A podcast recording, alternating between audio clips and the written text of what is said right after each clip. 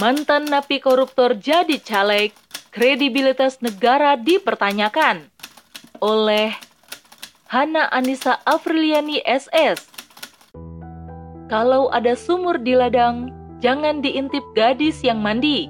Koruptor akalnya panjang, jaksa dan hakim diajak kompromi. Berburu ke padang datar, mendapat janda belang di kaki. Koruptor sakit diizinkan pesiar, uang rakyat dibawa lari. Sekelumit pantun koruptor karya seniman tanah air W.S. Rendra tersebut menampilkan realita yang jamak terjadi di negeri ini. Ya, korupsi menjadi budaya yang kian hari kian melekat.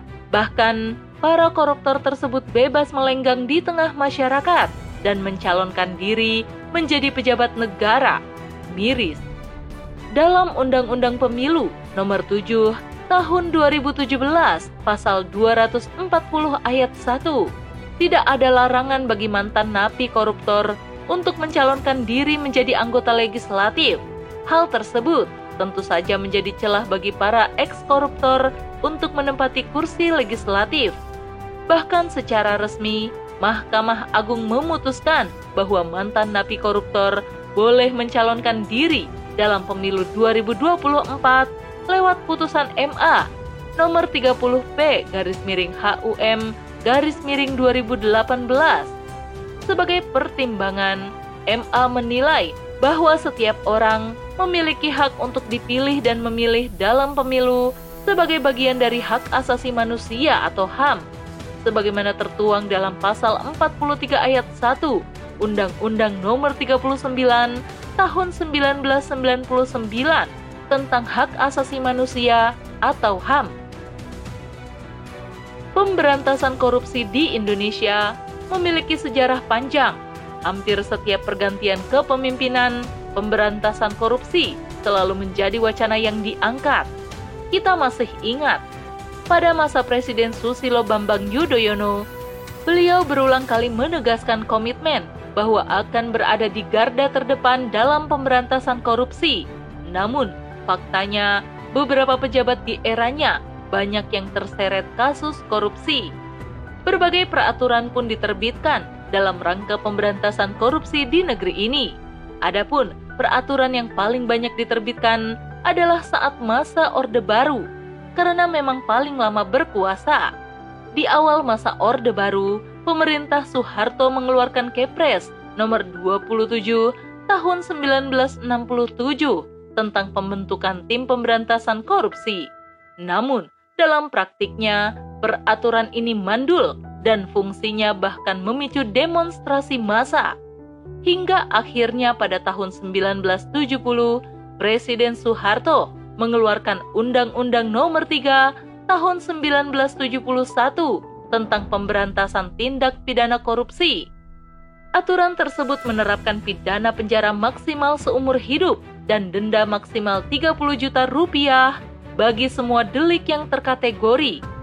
Tak hanya itu, dokumen negara garis-garis besar haluan negara atau GBHN salah satunya berisi kemauan rakyat memberantas korupsi. Namun, lagi-lagi dokumen ini tak berfungsi karena parlemen dilemahkan dan terjadi kebocoran anggaran di setiap sektor. Akibatnya, tidak ada kekuatan mengadili kasus korupsi secara independen.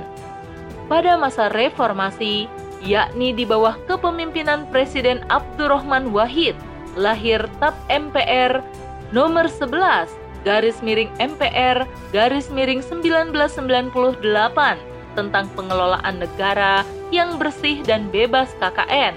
Pemerintahan Gus Dur kemudian membentuk badan-badan negara untuk mendukung upaya pemberantasan korupsi, antara lain Tim Gabungan Penanggulangan Tindak Pidana Korupsi, Komisi Ombudsman Nasional, Komisi Pemeriksa Kekayaan Pejabat Negara, dan beberapa lainnya. Setelah itu, pada masa Presiden Megawati Soekarno Putri, ternyata kasus korupsi menjamur di mana-mana. Namun sayang, kasus tersebut menguap begitu saja, tidak jelas endingnya. Salah satunya kasus korupsi di Bulog, masyarakat pun mulai hilang kepercayaannya terhadap komitmen pemberantasan korupsi.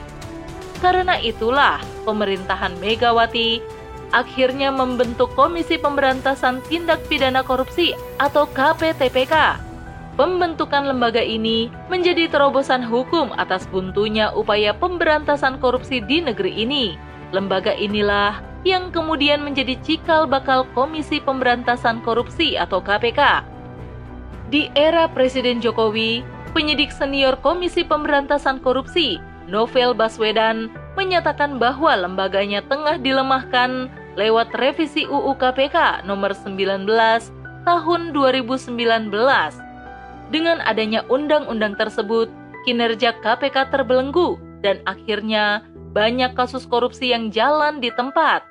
Betapa tidak, dalam perubahan Undang-Undang Nomor 30 Tahun 2022 tentang pemberantasan korupsi, yakni soal penyadapan, penggeledahan, dan penyitaan harus ada izin dari Dewan Pengawas atau Dewas yang tak kalah menjadi sorotan dalam revisi Undang-Undang KPK adalah alih status pegawai KPK menjadi ASN dengan asesmen berupa tes wawasan kebangsaan atau TWK. Hasil dari tes tersebut mengakibatkan tidak lolosnya 75 orang anggota KPK dengan kredibilitas bagus. Mereka yang tidak lolos akhirnya diberhentikan, padahal beberapa di antaranya tengah menangani kasus korupsi besar seperti kasus korupsi bansos di Kementerian Sosial, suap ekspor benih lobster, korupsi pengadaan KTP elektronik, hingga suap mantan sekretaris Mahkamah Agung. Demikianlah lembaga anti rasuah yang terus dilemahkan dengan berusaha mengikis independensinya di bawah rumpun eksekutif. Dan kini, bahkan para mantan napi koruptor diberi karpet merah dalam kontestasi pemilihan wakil rakyat. Mau dibawa ke mana negeri ini jika wakil-wakil rakyatnya adalah mereka yang justru pernah mengkhianati amanat rakyat? Sungguh ironis. Beginilah potret buram hak asasi manusia yang dibingkai oleh sistem demokrasi.